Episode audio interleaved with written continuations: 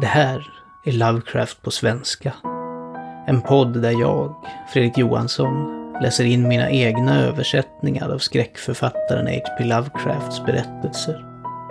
Vi börjar från början i den ordning de skrevs och fokus ligger på de berättelser med kopplingar till Cthulhu-mytologin.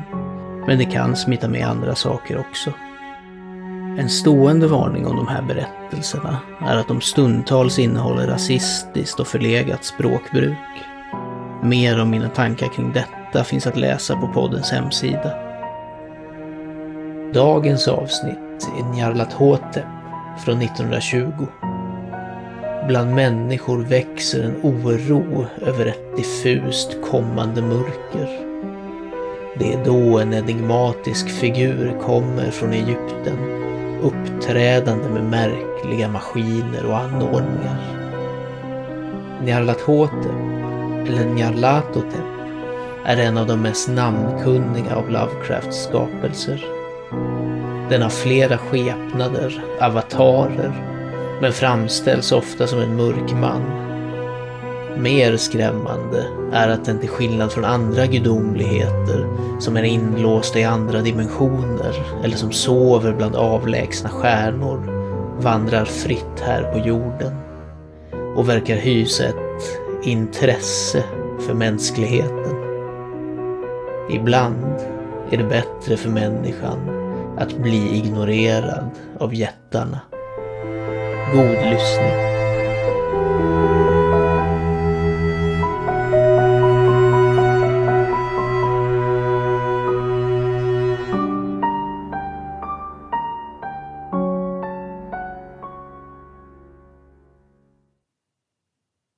Nyarlathotep. Det krypande kaoset. Jag är den sista. Jag ska berätta för det åhörande tomrummet. Jag minns inte tydligt när det började, men det var månader sedan. Den allmänna anspänningen var hemsk. Till en årstid av politiska och sociala omvälvningar lades en märklig och ruvande farhåga om avskyvärd fysisk fara. En fara utbredd och allomfattande. En sådan fara som bara kan föreställas i nattens mest fruktansvärda fantasmer. Jag minns att folket gick omkring med bleka och oroliga ansikten och viskade varningar och profetior som ingen medvetet vågade upprepa eller erkänna för sig själv att han hade hört. En känsla av monstruös skuld låg över landet och ur avgrunden mellan stjärnorna svepte kyliga strömmar som fick människor att huttra på mörka och ensamma platser. Det skedde en demonisk förändring i ordningsföljden av årstiderna. Höstvärmen dröjde kvar skrämmande länge och alla kände att kontrollen över världen och kanske universum hade övergått från kända gudar eller krafter till gudar eller krafter som var okända. Och det var då som Nyarlathotep kom från Egypten. Vem han var kunde ingen säga, men han var av det gamla inhemska blodet och såg ut som en farao. Falahinerna knäböjde när de såg honom, men kunde inte säga varför. Han sa att han hade rest sig upp ur 27 århundradens mörker och att han hade hört meddelanden från platser som inte fanns på denna planet. In i civilisationens länder kom Nyarlathotep, mörk, smal och olycksbådande och köpte alltid märkliga instrument av glas och metall och kombinerade dem till instrument än mer märkliga. Han talade mycket om vetenskaperna, om elektricitet och psykologi och gav föreställningar av sådan kraft att de sände iväg hans åskådare mållösa, men som ändå svällde hans berömmelse till överlägsen omfattning. Männen rådde varandra att se Njarlathotep och ryste. Och där Njarlathotep gick försvann vilan. för de små timmarna var fyllda med mardrömsskrik. Aldrig tidigare hade skriken från mardrömmar varit ett så allmänt problem.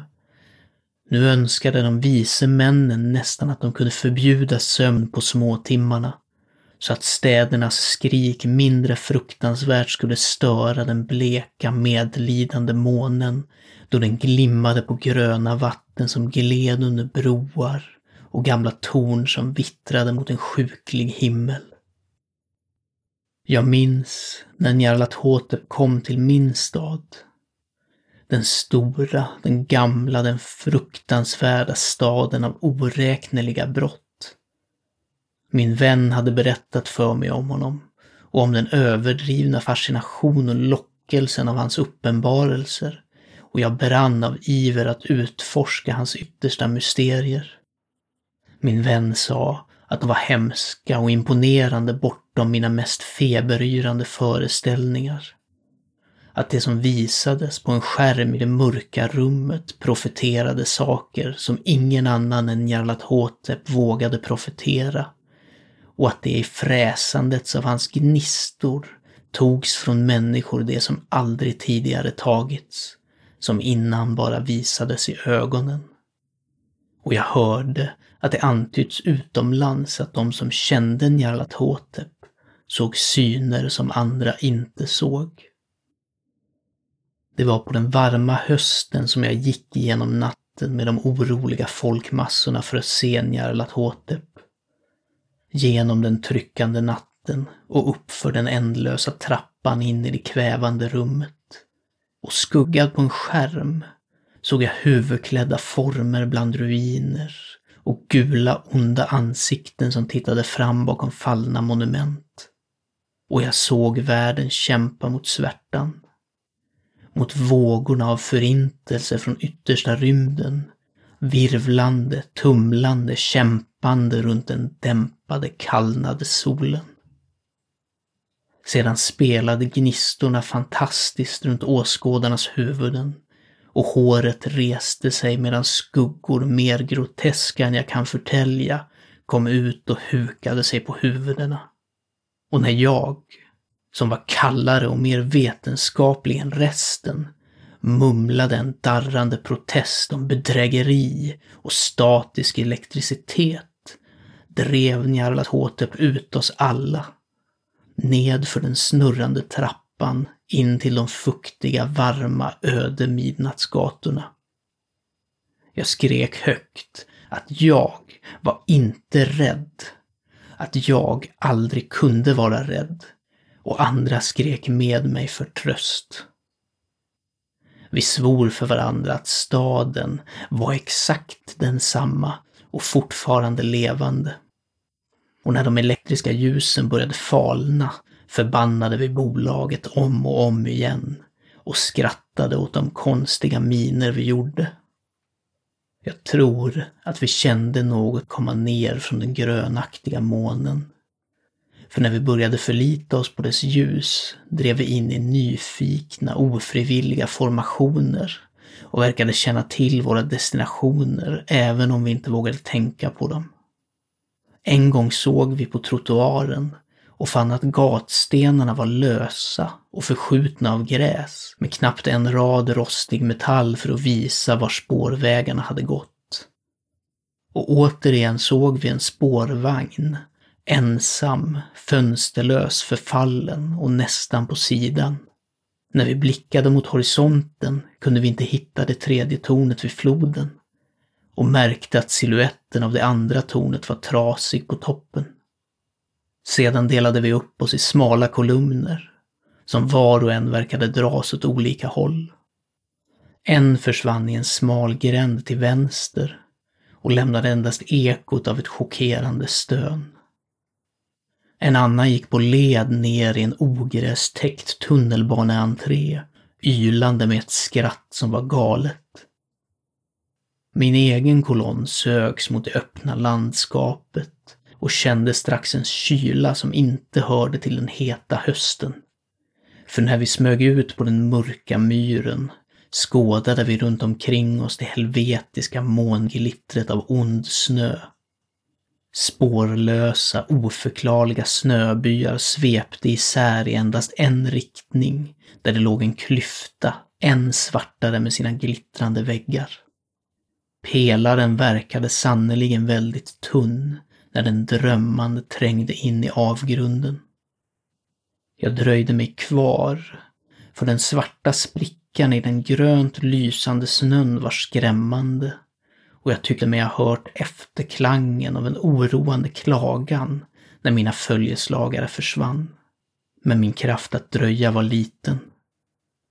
Som om jag lockades av dem som hade gått före halvflöt jag mellan de titaniska snödrivorna, darrande och rädd, in i den förblindande, ofattbara virven. Skrikande förnimmelse, yrande ilska, bara gudarna som var kan berätta. En sjuk, känslig skugga vrider sig i händer som inte är händer och virvlade blint förbi spöklika nätter av ruttnande skapelse. Lik av döda världar med sår som var städer. Kadavervindar som borstar de bleka stjärnorna och får dem att flimra lågt. Bortom världarna Vaga spöken av monstruösa ting. Halvt sedda kolonner av ohelgade tempel som vilar på namnlösa klippor under rymden och når upp till ett yrvakuum över ljusets och mörkrets sfärer. Och genom denna motbjudande universums kyrkogård, det dämpade galna slaget av trummor och det tunna monotona gnällandet av hädiska flöjter från ofattbara, oupplysta kammare bortom tiden. Det avskyvärda bultandet och pipandet till vilka de gigantiska, mörka, ultimata gudarna sakta, obekvämt och absurt dansar. De blinda, röstlösa, sinneslösa gargoylerna vars själ är Njarlat Håte.